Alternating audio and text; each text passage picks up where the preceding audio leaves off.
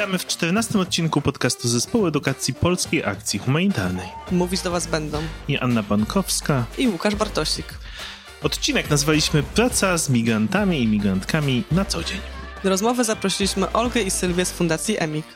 które opowiedziały nam m.in. o tym, jak wygląda integracja osób migranckich w Polsce i czym różni się od asymilacji. A także o tym, z czym borykają się osoby ubiegające się o status uchodźczy. Zaczynamy. Jesteśmy teraz w takim okresie, kiedy bardzo dużo mówi się o tym, co się dzieje na wschodniej granicy Polski. Bardzo dużo mówi się o osobach starających się o azyl i o status uchodźczy. Ale tak naprawdę na co dzień niewiele zastanawiamy się nad tym, jak wygląda sytuacja osób migrujących do Polski, e, jak wygląda w ogóle proces starania się o ochronę prawną. Dlatego dzisiaj postanowiliśmy w dniu, kiedy właśnie wszyscy o tym mówimy, porozmawiać o tej drugiej stronie, czyli tej codzienności, tej, której nie widać na pierwszych stronach gazet, może pozornie trochę mniej dramatycznej, ale wciąż bardzo ważnej i dotykającej e, losów konkretnych osób. Czyli o tym, jak wygląda system wsparcia uchodźców, uchodźczyń, ale też po prostu migrantów, migrantek e, w, w Polsce na poziomie właśnie niekoniecznie Warszawy, niekoniecznie samej granicy, ale tu u nas lokalnie w województwie kujawsko-pomorskim, ale myślę, że też te mechanizmy będą dość uniwersalne dla całego kraju. No tak, i nie będziemy się sami tutaj e, wymądrzeć na ten temat, e, tylko mamy dwie wspaniałe gościnie z organizacji, która na co dzień pracuje z migrantami, migrantkami, uchodźcami, uchodźczyniami. Robi to od wielu lat systematycznie, oddolnie, e, nie tylko wtedy, kiedy jest na to skierowana uwaga mediów. Więc to będzie rozmowa. Mam nadzieję, że sami dowiemy się wielu rzeczy, a z nami jest Sylwia Żulewska. I Olga Kuratnik. Obie są z Fundacji EMIK, która działa w Toruniu, ale działa regionalnie, powiedziałbym, kujawsko-pomorsko i pomorsko, właśnie w tych tematach. To może zaczniemy od tego, że powiecie nam w ogóle coś o właśnie fundacji samej jako takiej. Ja jestem w Fundacji EMIK od początku, od 2016 roku, wtedy kiedy zaczęliśmy już tak formalnie działać. Mamy dość romantyczne konotacje z, z polską akcją humanitarną, ponieważ y, zaczęliśmy działać wtedy, kiedy, kiedy Pach zdecydował się wycofać y, z tych projektów takich realizowanych tutaj w Polsce, dotyczących migrantów, migrantek. I dwójka nas, to znaczy ja i Przemek Wyciechowski, pracowaliśmy w fundacji.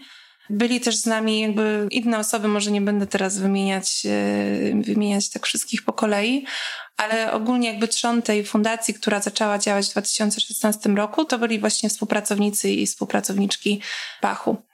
Jesteśmy w Toruniu i w Bydgoszczy. Na co dzień myślę, że pracujemy z większością migrantów, migrantek ekonomicznych, bo też takich w województwie mamy y, najwięcej. Działamy też w ośrodku w grupie, w zasadzie od początku też naszej działalności, z małymi przerwami związanymi z brakami kadrowymi albo z, z finansowaniem naszych działań. Działamy oddolnie dla ludzi, którzy mają doświadczenie migracyjne, ale też e, pracujemy systemowo z urzędami, z instytucjami publicznymi, nawiązujemy relacje, partnerstwa z innymi organizacjami. Także myślę, że robimy faktycznie większość takich rzeczy, tak jak działają inne fundacje w tej tematyce w Polsce. A ty, Olga, jak, od jak dawna jesteś związana z fundacją? Ja przyjechałam do Polski rok temu i pracuję w fundacji trzy miesiące jako konsultantka w punkcie informacyjno-doradczym w Toruniu. A co to oznacza, że jesteś konsultantką? To znaczy, na czym polega de facto twoja praca? Praca polega na tym, że na co dzień zwracają się do mnie migranty i migrantki z różnymi takimi codziennymi problemami. To może być e, kwestia legalizacji pobytu, legalizacji pracy, poszukiwania mieszkania, zapisać dziecko do szkoły. Takie codzienne życie naprawdę w nowym kraju. Okej, ale to ty jednoosobowo im pomagasz? Czy to są osoby różne z fundacji, które jakoś udzielają im wsparcia? w tym zakresie, gdzie ja mogę, to wtedy ja sama pomagam, a też e, korzystamy z pomocy prawnika. Jest w Toruniu i w Bydgoszczy prawnik. W takich e, bardziej skomplikowanych sprawach to kieruje takie sprawy do prawników. Też jest konsultant zawodowy, który pomaga szukać pracy. Również jest psycholożka, która udziela wsparcia takie psychologiczne. I oczywiście mamy takie różne integracyjne spotkania. Tym się zajmuje specjalistka do praw integracji i organizuje takie eventy dla cudzoziemców i też z udziałem Polaków. to pociągnę jeszcze te eventy integracyjne, żeby już e, mieć e, ten obszar zagospodarowany. To znaczy, co to jest? To znaczy, idziecie na dyskotekę, czy raczej może coś innego? Lepić pierniki? tak, to może być różnie. No, na przykład jak mówimy teraz w październiku, to działa taka kafejka językowa, czyli takie zajęcie, które pomagają ćwiczyć język polski. To jest dla osób dorosłych, to jest dla dzieci. Jest koło gospodyń miejskich w ramach tego koła e, będzie na przykład warsztaty florystyczne, będziemy jakieś robić mhm. bukiety i warsztaty kulinarne, takie wspólne gotowanie i również treningi sportowe. I bywa różnie, nie tylko u nas fundacja, także mamy takie wyjście poza fundacją, na przykład chodzimy do teatru, do kina, do obserwatorium, gdzieś wyjeżdżamy do parku. Te działania są głównie w Toruniu i w Bydgoszczy, tam gdzie macie biura, czy one też są w innych miejscach w województwie? Głównie w Toruniu i Bydgoszczy, a to, co możemy zrobić zdalnie dla osób, które mieszkają na terenie województwa kujawsko-pomorskiego, to dajemy takie porady zdalnie, czyli online na przykład działamy. Też mamy takie spotkanie online, na przykład chyba za tydzień będzie takie spotkanie, jak sobie radzić na rozmowie kwalifikacyjnej. Czyli wszyscy z województwa kujawsko-pomorskiego mogą się dołączyć do tego spotkania. Ty Sylwia też wspomniałaś o ośrodku w grupie. Czy mogłabyś wyjaśnić w ogóle, co to jest? Ośrodek w grupie to jest ośrodek dla cudzoziemców, którzy oczekują na decyzję o przyznaniu ochrony międzynarodowej. I tam trafiają osoby, które, no, które złożyły wniosek o ochronę międzynarodową na y, granicy. Na początku trafiły do ośrodka recepcyjnego i potem zostały skierowane do grupy. W grupie jest też biuro y, pracowniczek y, Urzędu do Spraw Cudzoziemców. To są dziewczyny, które zajmują się takimi kwestiami związanymi z pobytem osób mieszkających w ośrodku. Jest też ochrona, jest administracja, czyli jest cały zespół, y, który też tym ośrodkiem zawiaduje. To, co jest bardzo ważne, to my też od, w zasadzie od początku działamy i współpracujemy ze szkołą w grupie, szkołą podstawową w grupie do której właśnie uczęszczają dzieci mieszkające y, w ośrodku. Nie tylko te dzieci, ale również dzieci polskiego pochodzenia. Jest to no, taka tradycyjna szkoła podstawowa. A jakbyś mogła tak opisać nam trochę, żeby sobie to wyobrazić, jak wygląda to życie w tym ośrodku, znaczy ile tam jest teraz osób, z jakich krajów i jak wygląda ich życie codzienne?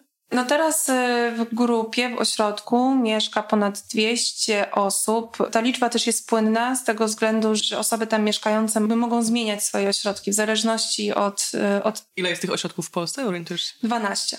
Takich ośrodków jest 12.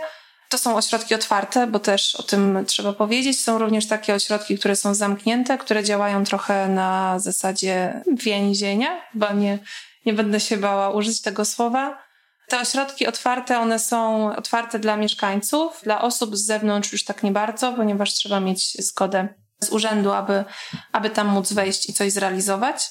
No i jak wygląda codzienność tych osób? Myślę, że czekają. Niestety jest tak, że ta codzienność osoby, która jest w tym procesie, jest bardzo niezależna od nich. Jakby to są też często osoby, które przyjeżdżają z jakimiś marzeniami czy oczekiwaniami, czy nawet mają jakiś plan, można powiedzieć, na te pierwsze miesiące pobytu w Polsce. Najczęściej jest tak, że, że one tam po prostu mieszkają, dostają wyżywienie, nie mogą pracować przez pierwsze sześć miesięcy.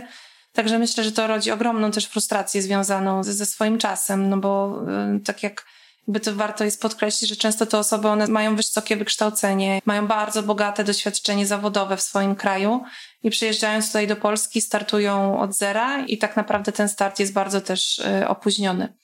W ośrodku też działa świetlica dla najmłodszych dzieci, więc y, te dzieci mogą w świetlicy przebywać. No a tak, no to no myślę, że, że nie ma tam zbyt wielu, y, z wielu atrakcji. Grupa też jest małą wioską tak naprawdę, wsią pod Grudziądzem, jest otoczona lasem.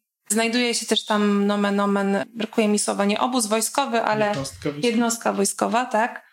Więc tam też przebywanie żołnierzy i też okolica jest, y, można powiedzieć, zmilitaryzowana dość, co by w kontekście osób, które uciekają przed wojną często y, jest takie kontrowersyjne, można powiedzieć.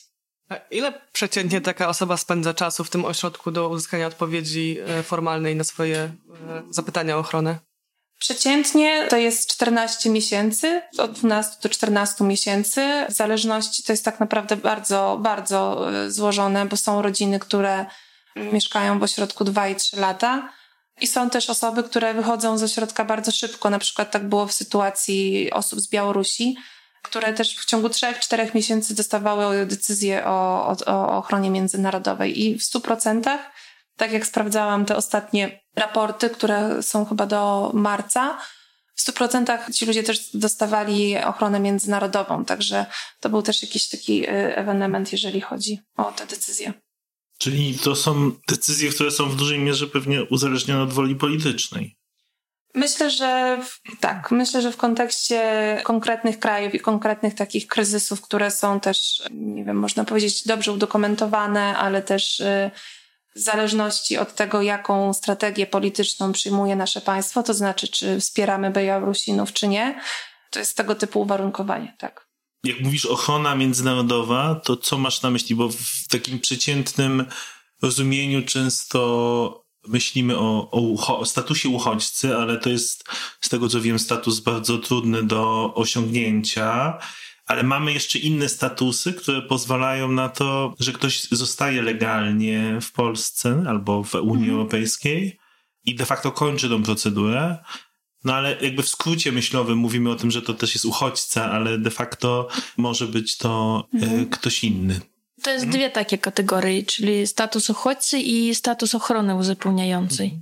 Ochrona uzupełniająca to jest taka krajowa forma nasza ochrony międzynarodowej i tak naprawdę ona się z niczym, niczym szczególnym nie różni, ponieważ jak już ktoś dostaje ochronę międzynarodową, to jest mu przyznawany indywidualny program e, integracji. On jest tylko z nazwy tak naprawdę indywidualny, ponieważ e, nie są tam brane pod uwagę żadne e, osobiste sytuacje, potrzeby tych osób. W ramach tego programu dostaje się wsparcie finansowe i tak naprawdę to wszystko. Jakiego rzędu wsparcie finansowe? To w zależności od tego, ile jest osób e, w rodzinie, ale to jest ponad chyba tysiąc złotych teraz, tak jak, e, tak jak dobrze pamiętam, mniej lub więcej, tak. I to są środki, które muszą wystarczyć na utrzymanie, na wynajęcie mieszkania, na język polski, jeżeli, bo już wtedy ten język polski nie jest zapewniany. Aha, tak, o tym nie powiedziałam, a powinnam też powiedzieć, pozwolę sobie wrócić i się przerwać, że w ośrodku dla cudzoziemców jest zapewniany język polski. I on tak działa różnie, to znaczy my jesteśmy tak na bieżąco, akurat to są takie tematy, którymi zajmowaliśmy się dzisiaj ponieważ w ośrodku w grupie jest duża grupa, około 170 osób z Afganistanu, które właśnie jakby są w tym momencie czekania i mają też bardzo silną potrzebę nauki w ogóle języka polskiego. My podejrzewam, że część tych osób będzie też chciało wyjechać do innych krajów, ale część, pewnie spora część, w zależności od tego też, co im nasz kraj zaoferuje, czy jak im po prostu pomoże, chce zostać w Polsce, więc ten język polski tak de facto jeszcze chyba do końca nie ruszył, a już są w Polsce, teraz zaczął się drugi miesiąc. No i tak, i to jest jeszcze też zapewniane w ośrodkach. Ale rozumiem, że też osoby, które opuszczają ośrodek, potem wciąż mogą liczyć na wsparcie takiej organizacji jak EMIH i na przykład potem chodzić na lekcje u was, tak? Tak, my przyjmujemy wszystkich, to znaczy osoby, które są e, spoza Unii Europejskiej. Nie wiem, może też Olga chcesz coś e, opowiedzieć o języku polskim, bo ten ostatni miesiąc to był też taki czas, kiedy kiedy my startowaliśmy z nowym semestrem w naszej fundacji. No tak, ruszył nowy semestr i tam u nas wzięło udział gdzieś, jak pamiętam, około 60 osób w tym kursie języka polskiego. I to wszystkie osoby zaczynają od zera, czy są jakieś, które już trochę Nie, znają? u nas tam są różne grupy od A0 do B2. Wszystkie I, poziomy. I te osoby, które teraz rozpoczynały, to pamiętasz mniej więcej jakiej narodowości tam były proporcje w tej grupie? Najwięcej osób jest z Ukrainy, z Białorusi i jest anglojęzyczna grupa też. Okej, okay, ale to może y, złapmy tą różnicę teraz między tą historią o grupie i tym, co robicie tutaj na miejscu, bo wydaje mi się, że to warto podkreślić. Jakby jaka jest różnica między tymi dwoma grupami? To znaczy, mamy osoby, które czekają na swój status i mamy osoby, które, y, rozumiem, dzwonią do ciebie jako do konsultantki, bo są już w Polsce i są, rozumiem, zwykle migrantami, migrantkami e- ekonomicznymi, tak? Tak, lub I... już mają decyzję status uchodźcy lub ochronę uzupełniającą. I to jest ten moment, w którym wy wchodzicie też ze wsparciem.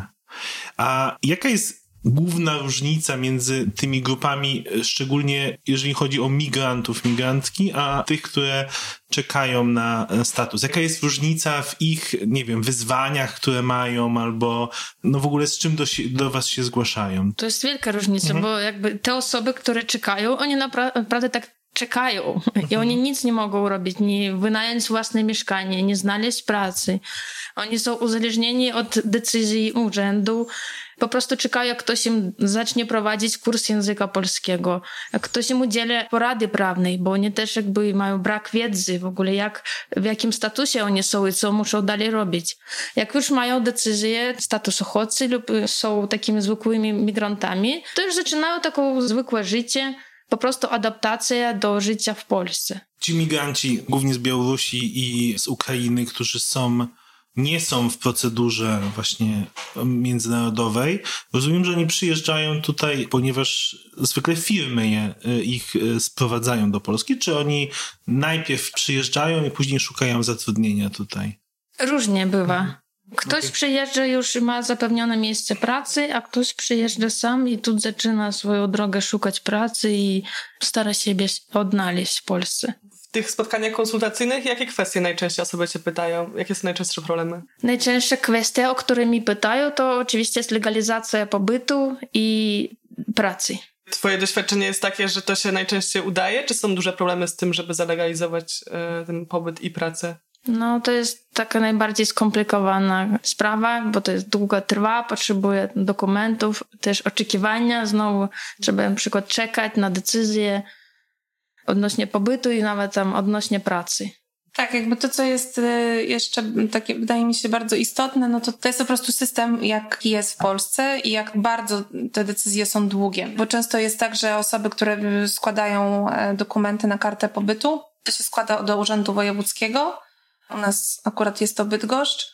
Są trzy, sześć miesięcy bez, bez żadnej informacji, co dalej z dokumentami.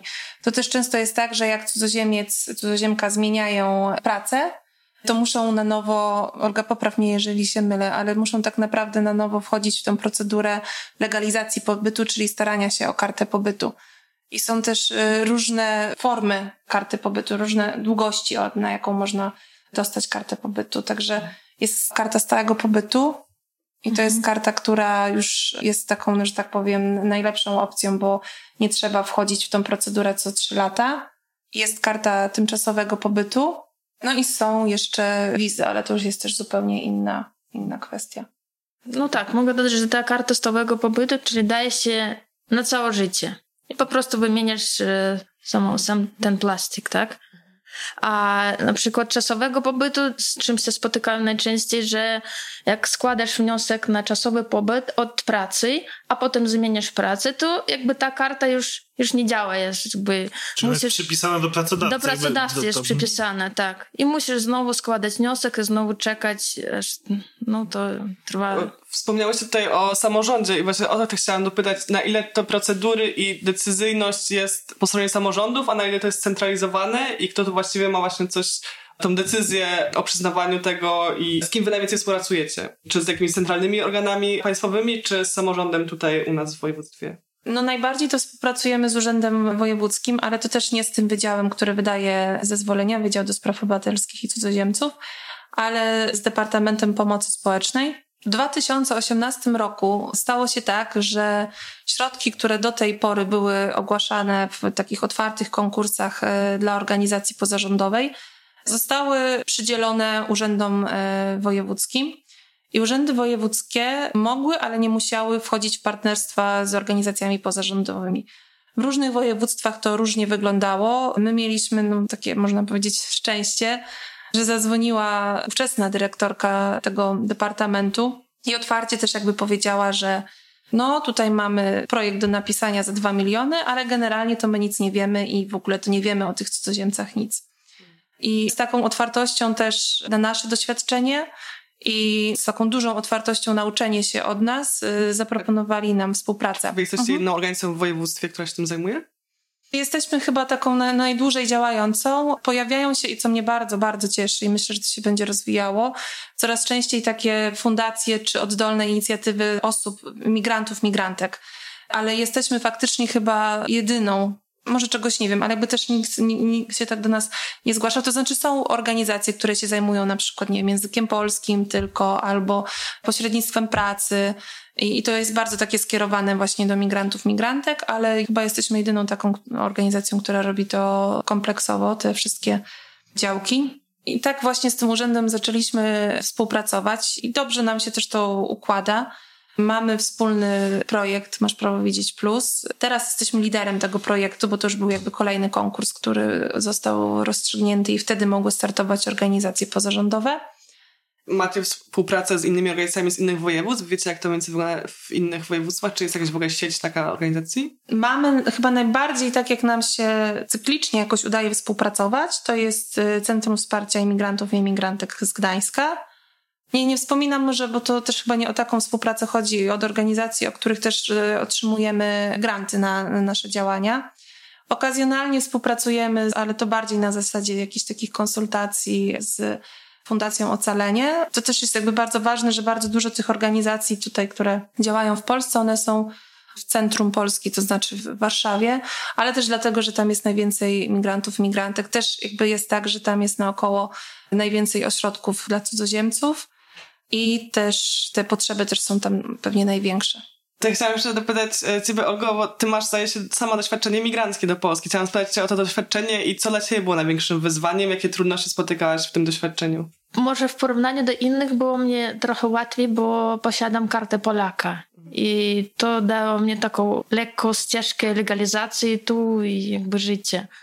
I tak właśnie nawet z kartą Polaka musiałam długo czekać na decyzję odnośnie swojej karty pobytu. Sama osobiście nie miałam takiej problemy jakby, żeby nie mieć pozwolenia na pracę w Polsce, bo ta karta Polaka daje takie pozwolenia, a ze swojego własnego doświadczenia wiem, że ludzie nie mają podstawy pracować w Polsce i na przykład muszą czekać na zezwolenia na pracę, a to też trwa może być dwa miesiące. A często takie, że praca jest, ale pracodawcy chcą zatrudnić od razu. Okej, okay, jutro możesz zaczynać pracować, a cudzoziemiec nie może, bo nie ma pozwolenia na tą pracę. A jak trafiłaś do fundacji? Wiedziałaś o niej wcześniej? Ktoś ci powiedział, że taka istnieje? Jak przyjechałam do Polski, sama korzystałam z działań fundacji.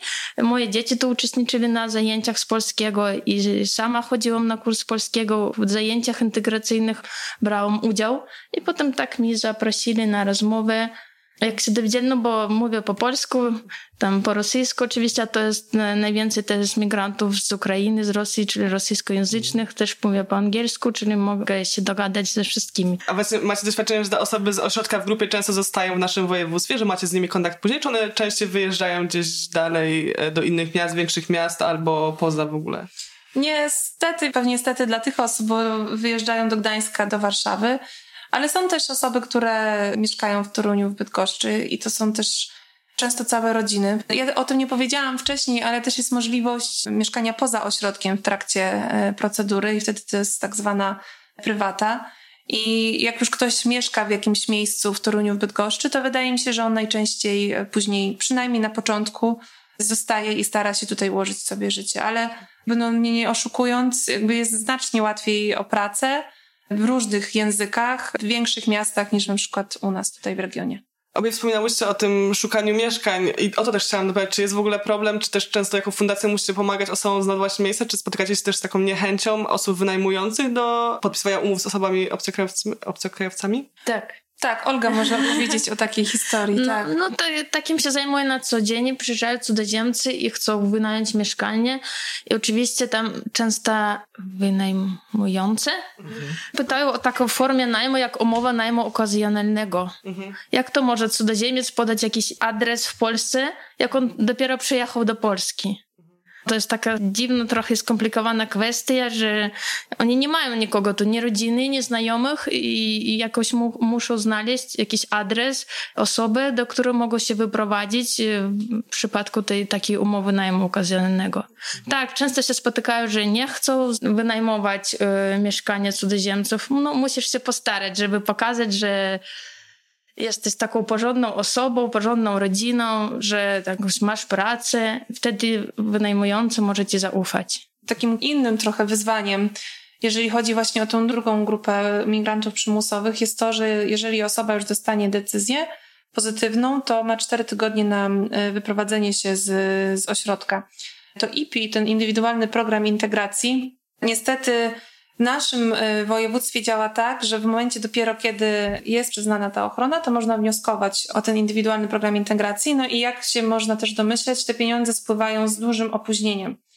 Więc e, tak naprawdę te osoby, które mają się wyprowadzić z tego ośrodka, one nie mają środków pieniężnych na, jakby na wynajęcie tego mieszkania. To jest też duży problem, jeżeli chodzi o w ogóle o, o ten temat. Ja właśnie chciałem się jeszcze podpytać o te wyzwania, migrantów i migrantek w Polsce, ale nie z takiej perspektywy administracyjnej tylko, że jest mhm. trudno, nie wiem, czeka się długo, ale właśnie trochę, tak jak ty Olga powiedziałaś przed chwilą, wynikające z postawy innych ludzi, że na przykład trudno znaleźć mieszkanie. Czy są jeszcze jakieś inne wyzwania, z którymi oni się zgłaszają, albo może ty doświadczyłaś też na swojej skórze, które wynikają jakby z podejścia ludzi do tych migrantów i migrantek. Mhm. E, no bo częścią rozumiem są kwestie typowo administracyjne, procedury, długość itp., ale w tym czasie oni funkcjonują jakoś, chodzą do sklepu, dzieci pewnie do szkoły, szukają pracy itp. Można tak dużo bo może mhm. przeliczyć takich Mamy dużo czasu, sytuacji. spokojnie. Mamy dużo czasu. No też jest e, zatrudnieniem, że nie każdy pracodawca chce zatrudnić cudzoziemcę, po prostu ma takie Dlaczego? podejście od razu, że no to łatwiej, tak ja nawet jak rozmawiam z pracodawcami, mi o to prosi o cudzoziemcy, że to jest mi łatwiej Polaka zatrudnić niż cudzoziemca i tam się martwić o tych papierach, o tych dokumentach, czy wszystko jest w porządku. Okej. Okay. A jest Takie... też tak, że wolą na przykład zatrudniać konkretne narodowości, a niektórych nie chcą? Czy nie mówią tego wprost nigdy? No może, ale to jest opinie e, konkretnych ludzi. Nie, nie to jest tak, że mm. ca całość. No. Okej, okay, dobra. Tak. Mm. Czasami jest trudno też y, zapisać do szkoły na przykład dziecko. Pomagamy wtedy, bo jak cudzoziemiec przyjeżdża, on musi tu się nauczyć od podstaw w ogóle takie bazowe rzeczy codzienne, czyli nawet jak gdzie kupić bilety lub jak dojechać tam do Bydgoszczy, jak w ogóle, jak zapisać dziecko do szkoły. Może być tak, że dzwonię i pyta, że ja chcę tu dziecko zapisać i mu odmawiają. Mhm. A po prostu musisz tam zadzwonić i wtedy powiedzieć, nie, jestem przypisany zgodnie z reinizacją do tej szkoły, chcę zapisać dziecko. To wtedy dobrze, przychodzi, przychodźcie. No, czyli mhm. takie. No to może wynika też, że trochę cudzoziemcy od razu mają jakiś brak języka polskiego i brak wiedzy o, o systemie jakby w Polsce. Tak, ale też mi się wydaje, że ten brak wiedzy jest właśnie po drugiej stronie. Jakby często jest tak, że pracownicy, pracowniczki jakby nie wiedzą, jakie są prawa tutaj osób przebywających. W Polsce nagminnie się zdarza tak, że na przykład y, w, w ośrodkach zdrowia jakby nie chce się zapisywać migrantów, migranty, już tak nawet nie abstrahując od tego, jaka to jest, y, jaki to jest rodzaj pobytu w Polsce plus bariera językowa cały czas, bo wydaje mi się, że jednak e, nadal jest tak, że w urzędach podejrzewam, że ci ludzie nawet znają te języki e, obce, ale może nie mają doświadczenia po prostu mówić w języku angielskim. I każda jakaś taka obsługa klienta cudzoziemskiego wiąże się dla nich po prostu z dużym stresem. Dlatego też unikają tego mhm. E, jak ognia. Ciągle się spotykamy, że na przykład jest łatwo, kiedy już cudzoziemiec ma kartę pobytu Wtedy w urzędzie wszyscy, wszyscy rozumieją. Karta pobytu, o, jesteś legalny. A jak na przykład dopiero złożyłeś y, dokumenty na kartę pobytu i czekasz, masz taką pieczątkę w paszporcie, to często musisz wytłumaczyć w urzędach, że to potwierdza legalność pobytu.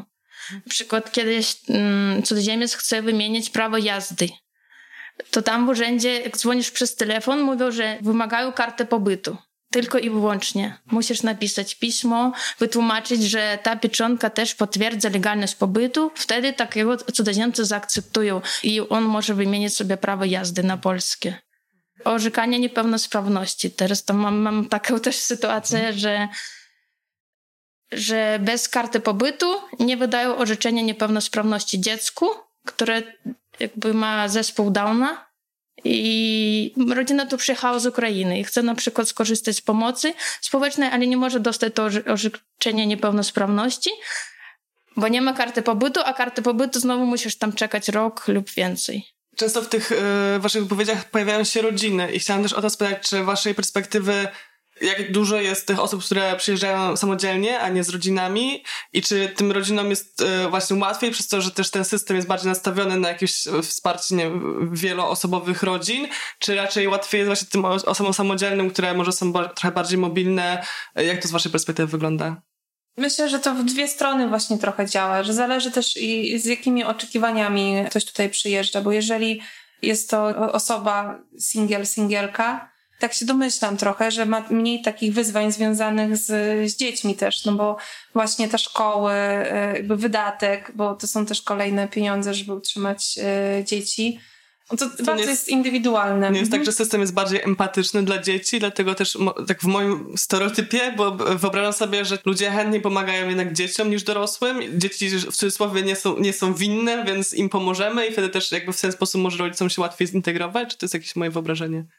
Nie wiem, myślę, że może Olga też coś o tym y, powiedzieć, bo jakby jest tutaj bardziej w temacie. Ja jestem z Polski i nie mam dzieci, więc, nie wiem. Ale to, co mi przyszło na myśl, jak zadawałaś to pytanie, to to, że też dzieci się znacznie szybciej uczą języka polskiego i często jest tak, że one jakby potem trochę wchodzą w taką rolę takich małych dorosłych, bo tłumaczą po prostu rodzicom, pomagają też w dokumentach, też szybciej się pewnie faktycznie integrują ze społecznością. Ale pewnie też za tym są inne wyzwania takie związane, nie wiem, z tożsamością, z jakimiś kwestiami nawiązywania relacji. W zasadzie to ja nie wiem skąd jestem, bo mam obywatelstwo innego kraju, ale mieszkam już tak długo w Polsce, ale nigdy tym Polakiem, czy tam prawdopodobnie nigdy jakby takiego formalnego dokumentu na to, że, że się czuję z Polski, to nie dostanę, więc jakby to mogą być jakieś takie wyzwania. A ja mam dwoje dzieci, czyli jeden syn chodzi do szkoły, a drugi do przedszkola. I mam takie doświadczenie pozytywne, że i w szkole, i w przedszkolu od razu nas tak przyjęli ciepło, pomagali dzieciom na początku, tym bardziej wychowawczyni starały się zaadaptować dziecko. No tak, mamy takie wyzwanie, że dziecko nie czuje się do końca jakby w grupie, no ale jeszcze może potrzebuje czasu. Dzieci w szkole też miały jakieś dodatkowe lekcje polskiego? Tak. Dzieci cudzoziemców y, mogą mieć dwie godziny w tygodniu z polskiego. Tak, i to przez rok miałam tak. takie zajęcia. I trzy godziny zajęć y, wyrównawczych, tak, że łącznie może być, może y, być pięć godzin. Często jest tak, że nauczyciele, nauczycielki, czy to bardziej nawet dyrekcja, właśnie te zajęcia wyrównawcze zastępuje językiem, zajęciami z języka polskiego, ale to jest taka bardziej Myślę, że też To jest rozwiązanie jakieś ogólnopolskie, czy tutaj tu wojewódzkie? To jest y, systemowe ogólnopolskie rozwiązanie, tak. I to rozumiem, że każda szkoła w Polsce może o to aplikować, żeby mieć takie dofinansowanie na to. Tak. Plus też jeszcze jest y, taka osoba, taka profesja jak y, asystent międzykulturowy, ale przyznam się, że nie wiem, jak to działa w innych województwach. U nas jest taka płynna liczba, dwie, trzy osoby jeszcze, jak, jak, jak w tamtym roku się aktualizowałam, jeżeli chodzi o liczbę osób, w ogóle asystentów międzykulturowych, więc jakby to też na ilość szkół, które mamy w regionie i dzieciaków, które chodzą do tych szkół z doświadczeniem migracyjnym, no to jest jakby ewenement, że asystent międzykulturowy jest. Do szkoła w grupie obok e, ośrodka no jest ekspertem już trochę w, w, tym temacie i zastanawiam się, czy macie jakieś informacje o, o lekcjach, które oni przeżyli na własnej skórze przez te lata, bo z tego co pamiętam jeszcze za czasów, kiedy my mhm. działaliśmy tam, no to trochę byli wrzuceni na głęboką wodę, to znaczy pewnego dnia pojawiła się duża grupa cudzoziemskich dzieci, nawet tuż przed rozpoczęciem roku szkolnego, no i po prostu zaczęli działać, nie mając jakiegoś wielkiego wsparcia systemowego. No teraz jesteśmy w takiej sytuacji, w której w różnych szkołach w Polsce mamy dzieci cudzoziemskie, tak? Jakby, mm. że to mhm. jest coraz bardziej powszechne i teraz jakie wyzwania, jakie lekcje są z tego procesu integracji takiej szkolnej? Czy y, masz wrażenie, macie wrażenie, że to jest właśnie coś, do czego szkoły polskie są przygotowane, czy raczej każda sobie radzi jak może? Myślę, że nie są przygotowane. Faktycznie szkoła w grupie jest już taką, pan dyrektor, pan Piotr, jest po prostu też super człowiekiem, taki bardzo zaangażowanym i mają tak na pewno wyrobione już swoje e, takie dobre praktyki. No my teraz, e, to są też takie świeże jakby nasze doświadczenia. W związku z tym, że w grupie mieszkają osoby właśnie ewakuowane z, z Afganistanu, to w jeden dzień do szkoły przybyło 25 uczniów, którzy w ogóle nie mówią w języku polskim i też za bardzo nie mówią w języku angielskim. Udało się panu dyrektorowi y, otworzyć dwa oddziały przygotowawcze dla uczniów klas 1, 3 i 4, 6 i jeszcze są tam pojedyncze dzieci, które poszły do klasy siódmej. W tych oddziałach oni tak naprawdę trochę się przygotowują do chodzenia do szkoły i uczestniczenia w ogóle w tym systemie polskim, systemie edukacji. Nie mają takich zajęć y, przedmiotowych. Jest to skoncentrowane tak naprawdę na poznawaniu się, na poznawaniu języka, na nawiązywaniu relacji, w ogóle takim przyzwyczajeniu się trochę do szkoły. I ta szkoła sobie super radzi. Pewnie o takich, o jakichś takich wyzwaniach y, codziennych dyrektor mógłby opowiadać y, godzinami. Ja mam też takie doświadczenie teraz na świeżo z dziećmi, które, dziećmi, młodzieżą w zasadzie, która y, rozpoczęła naukę w jednym z liceum w Grudziądzu. I to jest szóstka uczniów uczennic w wieku właśnie licealnym. I byłam tam w tej szkole, pomagałam zapisywać do szkoły. Byłam też dzień później na takich prelekcjach, można powiedzieć, z klasami, do których trafią te dzieci. I to są też słowa tej pani dyrektorki, która powiedziała, że ona nie śpi od trzech dni, no bo e, jakby zadzwoniła jej kierowniczka, powiedziała, że te dzieci przyjdą następnego dnia i ona wszystko musiała tak naprawdę też jakby sama się wszystkiego uczyć uczyć. Mhm. Znaczy myślę, że oni się będą długo uczyć. Dzisiaj jest pierwszy dzień, kiedy ta młodzież zaczęła właśnie tą edukację w tym liceum. Jestem bardzo ciekawa, jakim tam jest. Yy, A to są yy, osoby z jakiego kraju? To są osoby z Afganistanu. Znaczy też jest tak, bo to, co było istotne, jakby takim podstawowym, myślę, wyzwaniem, to jest ta bariera językowa, bo dyrektorka też podkreślała, że w szkole byli uczniowie z doświadczeniem migracyjnym, ale y, z Gruzji czy z Czeczeni, ale już mówili tak dobrze w języku polskim, że ona tak naprawdę jakby uznała, że to nie są dzieci z innego kraju. Tak też mogłam wywnioskować z tej rozmowy. Właśnie chodzi o ten kontekst y, taki kulturowy, no bo Afganistan jest y, zupełnie w innym kręgu kulturowym niż, y, niż Polska, no i o, o barierę językową. To chciałam dopytać jeszcze ciebie, Olga, bo ty powiedziałaś, że systemowo szkoły nie są przygotowane, ale ty miałaś pozytywne doświadczenie przy swoich dzieciach i w przedszkolu, i w szkole. I chciałam spytać o to, czy sprawdzałaś wcześniej, miałaś jakieś informacje, nie wiem, czy od fundacji, czy od innych znajomych o tym, do której szkoły warto, bo tam jest przyjaźnie i będzie wsparcie, czy to było zupełnie przypadkowe, że takie pozytywne doświadczenie miałaś? Nie, tak naprawdę szukałam dobrej szkoły dla dziecka mhm. i też no, do przedszkola szukałam trudno było znaleźć miejsce, ale też trafiłam do, do dobrej przedszkoły. Mhm. Ale to właśnie wiedziałaś wcześniej, że to jest szkoła otwarta po to, że właśnie wspierać e, dzieci cudzoziemskie, czy to po prostu była przyjazna szkoła, e, przyjazne przedszkole, które miało po raz pierwszy takie doświadczenie? Nie, tam już e, były dzieci cudzoziemców, ale tak po prostu sprawdzałam opinie innych ludzi o tej szkole, o, o tym przedszkolu i to było pozytywne i tak się okazało. No. Mhm. Z perspektywy rodzica, jakbym cię zapytał, to czego oczekuje rodzic dziecka cudzoziemskiego, jakiego wsparcia oczekujesz od właśnie szkoły, przedszkola, do którego puścisz e, swoje dziecko? Po pierwsze, to jest pomoc z nauką języka, mhm. i drugie, to najważniejsze, jak mi się wydaje, że to takie integracja z dziećmi w, tam w klasie, w grupie. Pomóc temu dziecku się zaadaptować, żeby reszta uczniów go przyjęła do, do, do siebie, do, do mhm. do, do klasy. To złapę za słowo integracja, ale już nie w kontekście dziecięcym, bo wcześniej mówiłyście o tych doświadczeniach wyjść integracyjnych i chciałbym was zapytać o to, jakie są wasze wrażenia z tego? To znaczy, rozumiem, że to jest potrzebne, jest to działanie projektowe, natomiast jest pewnie taki stereotyp, że migranci przyjeżdżają i się nie chcą integrować na przykład. Czy na podstawie swoich doświadczeń widzicie jakby duże zainteresowanie tą integracją i czy jest jakieś zainteresowanie po stronie polskiej też integracją, czy raczej są to po prostu działania skierowane tylko dla cudzoziemców, żeby się oni zintegrowali z, z Polską jako bytem e, wirtualnym, czy z Polską jako Polakami i Polkami? Może zacznijcie od tego, co to są z, jeszcze raz e, zajęcia integracyjne. No tak naprawdę do mnie przychodzą osoby i mówią, ja chcę się integrować, mhm. chcę wziąć udział w spotkaniach tam integracyjnych, czyli po prostu chcę poznać lepiej ludzi, tu chcę poznać kulturę, tradycje, mhm. nie chcę czuć się samotnie, samotnie, bo jak jest na przykład osoba przyjeżdża tu sama i praca, dom, no to czuję się samotnie. Jak gdzieś jakieś my organizujemy te wydarzenia, to przychodzi do nas i czuje się, że nie jest sama.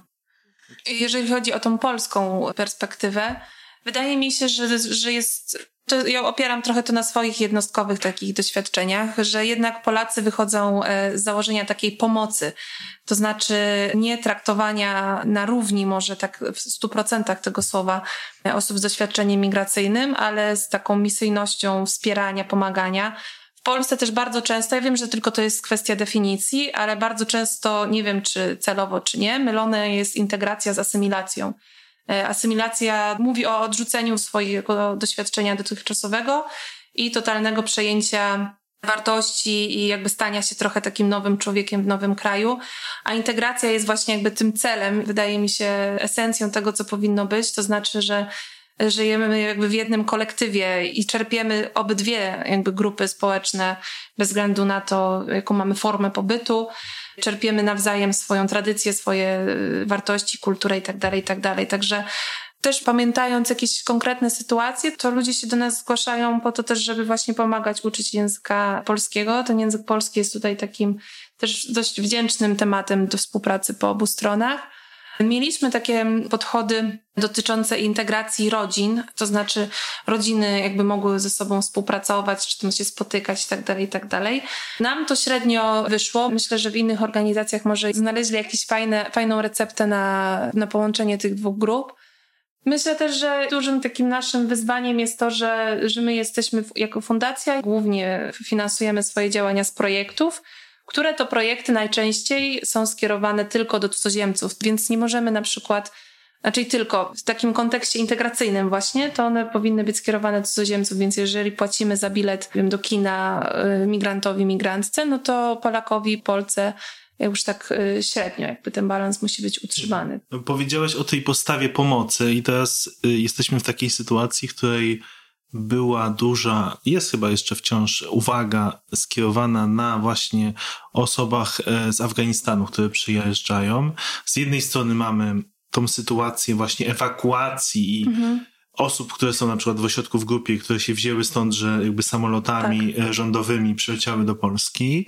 No i mamy oczywiście sytuację aktualną na granicy. Mhm domyślam się, że one wywołały pewien większy zryw ludzi mhm. do pomocy. I chciałbym się zapytać o to, jak wy oceniacie tą pomoc, jakie wyzwania się nagle pojawiły w związku z nią, no i czego wy oczekiwaliście, a co otrzymaliście e, od, od mhm. ludzi. Tak, no my na początku września, koniec sierpnia zorganizowaliśmy zbiórkę rzeczową, głównie dla osób e, mieszkających w ośrodku w grupie. Zainteresowanie tą zbiórką przeszło nasze najśmielsze oczekiwania. Ona też trochę zaczęła żyć y, własnym y, życiem. Adres ośrodka w grupie jest ogólnodostępny. Każda osoba może sprawdzić go na stronie internetowej zapakować y, rzeczy do kartonu, które chce i wysłać tam do tego ośrodka. Więc oprócz tego, że my zbieraliśmy ubrania, środki higieniczne, jakąś żywność długoterminową dla osób, które przyjechały, to też bardzo, bardzo dużo rzeczy trafiło bezpośrednio do ośrodka i to sparaliżowało pracę jakby całego ośrodka na jakieś około dwa tygodnie. Przed ośrodkiem była taka kupa ubrań pod niebieską plandeką, która też czekała, nie wiem, na jakąś y, dystrybucję. Nie było gdzie tych rzeczy trzymać. Y, wszystkie magazyny, które były też w ośrodku, zostały po prostu zapełnione. No ale to już jakby myśmy tą plandekę razem z, z pracownikami ośrodka rozbroili. Rzeczy, które były do dystrybucji, takie higieniczne, zostały y, rozdane. Opowiadając też, znowu się odniosę do jakichś takich swoich osobistych wrażeń. Ja mam taką myśl, że ciężko jest zebrać rzeczy, które będą naprawdę dobrej jakości i które trafią potem e, w odpowiedniej ilości do konkretnych osób, które tego potrzebują. Ci ludzie faktycznie przyjechali, różnie osoby, niektórzy mieli jakieś swoje rzeczy, niektóre, niektórzy nie mieli przyjmowali ubrania na przykład. Głównie teraz mówię o ubraniach, bo te środki takie higieniczne, to one, one się zużyją też, one się zużywają, no jakby one nie są już napoczęte, one są nowe. Ubrania często są już e, przechodzone. Ludzie też często oddają e, ciuchy, których po prostu już nie chcą albo które się im nie podobają.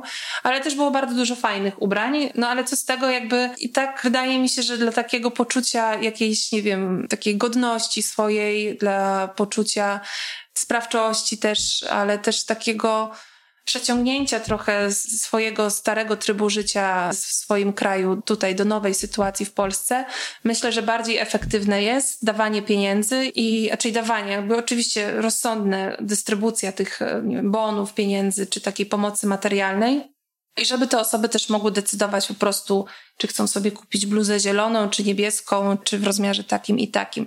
Też jest tak, że no, moda kobieca zwłaszcza jest zupełnie inna, afgańska kobieca moda jest zupełnie inna niż to, jak my się ubieramy. Oczywiście jakby bardzo ogólnikowo mówię, no bo są też dziewczyny, które ubiorą, nie wiem, krótką spódnicę, ale aczkolwiek ja jak myślę tam w grupie, no to nie, nie widziałam tak ubranej na przykład dziewczyny, a takich cukienek, jakichś wypasionych minówek, czy też suknię ślubną na przykład znaleźliśmy w, w kartonie, który do nas e, trafił, także tak to jest się wydaje, że też jest często taki odruch, kiedy no, czujemy bezsilność i złość na to, co się dzieje, widzimy w wiadomościach sytuację, no to chcemy coś zrobić, no i to coś często się właśnie kończy zbiórką. Zresztą mamy o tym odcinek, odsyłamy mm. do, zanim wyślesz paczkę z pomocą. Ale też e, chciałam zwrócić uwagę, żeby w tej zbiórce mieć na przykład też wylistowane takie bardzo konkretne rzeczy, które były potrzebne, które w życiu by mi nie przyszły do głowy. Mm. I tam mhm. mieć na przykład, nie wiem, obcinaczki do paznokci, zdaje się, tak? Jakieś tak. Takie... To jest właśnie ciekawa sprawa, bo myśmy w pierwszym rzucie zbieraliśmy właśnie ubrania i środki higieniczne. I potem dwa tygodnie później ogłosiliśmy zbiórkę na obcinaczki do paznokci, na pensety, na garnki też, bo to też jakby było potrzebne tym osobom, ponieważ tam wcześniej mieszkała, nadal mieszka grupa z Białorusi, z Ukrainy czy z Czeczeni i oni też y, jedzą mięso, które nie jest halal, tam sobie to jedzenie przygotowują w tych garnkach, więc dla tych osób z Afganistanu to było też ważne, żeby mieć takie garnki, które na przykład będą tylko ich. I co ciekawe, jakby my nie dostaliśmy nic z tych rzeczy, o które prosiliśmy, bo by to było podkreślone, że żeby to były nowe rzeczy, bo są osobiste. Zakupiliśmy te materiały, te artykuły z, ze zbiórki, którą też e, przeprowadziliśmy, bo to też jest jakby bardzo ważne. Myśmy też zbierali pieniądze i udało nam się uzbierać około 8 tysięcy złotych. I teraz jakby z tej zbiórki zapewniamy poradnictwo prawne tam w ośrodku. Był też z nami tłumacz y, z języka farsi na język angielski. No i między innymi właśnie zakupiliśmy też te artykuły. To nie jest tak, że wy zaczęliście teraz działać. Działacie od lat i macie wiele doświadczeń i chciałbym zapytać was o taką perspektywę waszego nauczenia się różnych rzeczy. To znaczy, czy są jakieś rzeczy, które robiliście kiedyś, a teraz uważacie, że no, że nie są one no, sensowną formą wsparcia, albo coś, co próbowaliście i co się nie sprawdziło, albo w drugą stronę, coś, co wam się wydawało banalne i nagle się okazało, że to jest adekwatne do potrzeb, że może nie jest jakimś fajerwerkiem projektowym, ale to de facto jest coś, co odpowiada na potrzeby. Tak z perspektywy tych kilku lat, w których działacie i w którym też zainteresowanie społeczeństwa mm. polskiego jest różne tym tematem to może się okazać banalne, ale no, jakby zatrudnianie osób z doświadczeniem migracyjnym, myślę, że coraz więcej organizacji to robi i też coraz więcej instytucji takich, które spotykają się z klientem cudzoziemskim. To jest bardzo ważne, jakby to doświadczenie Olgi, nie tylko takie jakby eksperckie dotyczące wiedzy, legalizacji pobytu i tak dalej, ale sam fakt, że jak ktoś dzwoni do nas do fundacji i może po prostu porozmawiać w języku rosyjskim i też Olga jest bardzo sympatyczna i ma dużo takich interpersonalnych zdolności, więc to jest bardzo ważne. Cały czas nie wiem, jak to rozwiązać trochę, jeżeli chodzi właśnie o to doradztwo zawodowe, bo my cały czas je robimy tutaj w kontekście polskim, ale, ale nie wiem, czy po prostu jako, jako takie pośrednictwo pracy, gdzie ten doradca zawodowy bardziej powinien działać właśnie jako pośrednik i tak też nasz doradca działa, tyle że jest to jakby indywidualna, jakby jednostkowa też jego fucha, że to musimy jakoś rozwiązać poprawić i myślę, że też taka bariera językowa jaka jest, no bo My w fundacji mówimy w języku angielskim, mamy też, ja niestety nie mówię w języku rosyjskim. To jest jakaś taka potrzeba, nawet jeżeli chodzi właśnie o takich specjalistów, jak nie wiem, prawnicy, psycholodzy.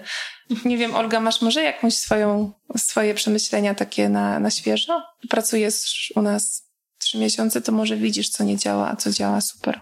Nie wiem, widzę większe postępy, że coraz więcej osób do nas się zgłaszają. Jak porównałam na przykład z, z przyszłymi miesiącami, to coraz więcej. Może ja to nasłuchuję, nie wiem, to się pochwaliam od razu no. przy okazji. No to dobrze powiedziałeś, że z tym pośrednictwem pracy trzeba coś zrobić, bo jest wielka potrzeba w pomoc w poszukiwaniu pracy, bo ludzie chcą samodzielnie żyć, i pracować i na siebie zarabiać, a jest trudno, trudno jest znaleźć pracę.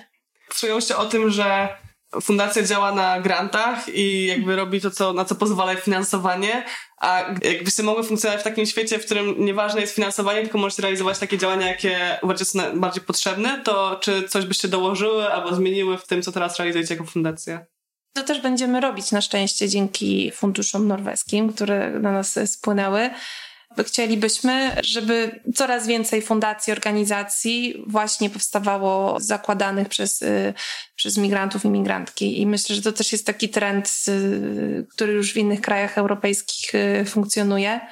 Ja tak sobie wyobrażam trochę też w przyszłości może naszą fundację, że bardziej będziemy doradzać, pomagać. Pewnie zawsze będziemy uczyć też języka polskiego i mieć poradnictwo, ale chcielibyśmy tak bardziej wzmacniać właśnie te grupy tutaj już mieszkające, nie sposób nie wspomnieć o tym, co się dzieje no, na granicy teraz. Cała nasza uwaga jest tam skupiona i jest bezradność totalna i można wspierać, nawet nie będąc w organizacji, jakby te działania, które są na granicy. Jakby ja zachęcam wszystkich do chodzenia na demonstracje, upubliczniania tych informacji na Facebooku, pisania listów, apeli do posłów i posłanek myślę, że to jest też przyszłość, jakby też tak nasz świat będzie wyglądał coraz bardziej i jakby my się nie, nie, nie okopiemy wielkim płotem, żeby nikt do nas nie przyjeżdżał. Smutny akcent na koniec. A czy ty, Olga, z perspektywy też może niekoniecznie fundacyjnie, ale jakieś rzeczy, które uważasz, że Polki, Polacy mogliby robić, żeby lepiej przyjmować osoby tutaj? Jakieś, nie może drobne rzeczy, które mogłyby ułatwić przyjazd, pobyt? Nie wiem, może tak po prostu mieć taki stosunek nie z formy pomocy, nie z formy cierpienia, a z, po prostu jak do wszystkich. Przyjmować tych ludzi, no jak, jak Polaków innych, y, mieć taki stosunek.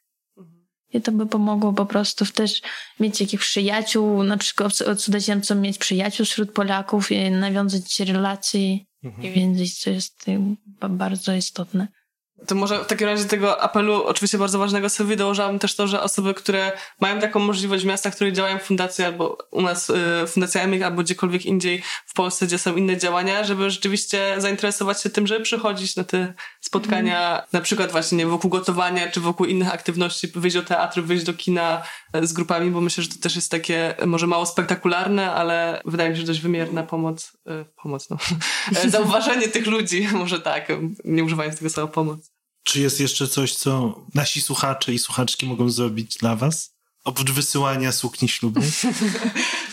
Tak, no ja zachęcam do wchodzenia po prostu też na nasz profil facebookowy i przekazywania tych informacji dalej. Jeżeli nawet samemu się nie chce dołączyć, to my też w dalszym ciągu nie, nie docieramy, jestem tego świadoma, do wszystkich migrantów, migrantek w naszym województwie. Także jeżeli znacie kogoś, kto ma takie doświadczenie i chce skorzystać czy potrzebuje po prostu jakiegoś wsparcia prawnego, zawodowego, języka polskiego, integracyjnego i tak dalej, i tak to zapraszamy do nas, do fundacji. Czekamy też oczywiście na pieniądze, no bo to też jest bardzo ważne w naszych działaniach, żeby mieć po prostu personel i móc mu zapłacić za, za jego pracę. Zachęcamy też do chodzenia na demonstracje i pokazywania swoich, swoich wartości, swojej otwartości decydentom i decydentkom politycznym, bo myślę, że żeby ta presja społeczna tutaj może najwięcej zdziałać. No i chyba tyle. Tak byście szukali na, na Facebooku, podpowiem, że to jest EMIC, ale przez C, EMIC. No dobrze, to wiemy mniej więcej, jak wygląda praca z migrantami i migrantkami poza błyskiem kamer, taka codzienna u podstaw. Trzymamy kciuki. Mam nadzieję, że, że będzie ona łatwiejsza i będzie dawała satysfakcję obu stronom. Dzięki. Dzięki bardzo za rozmowę. Dziękujemy. Dziękujemy.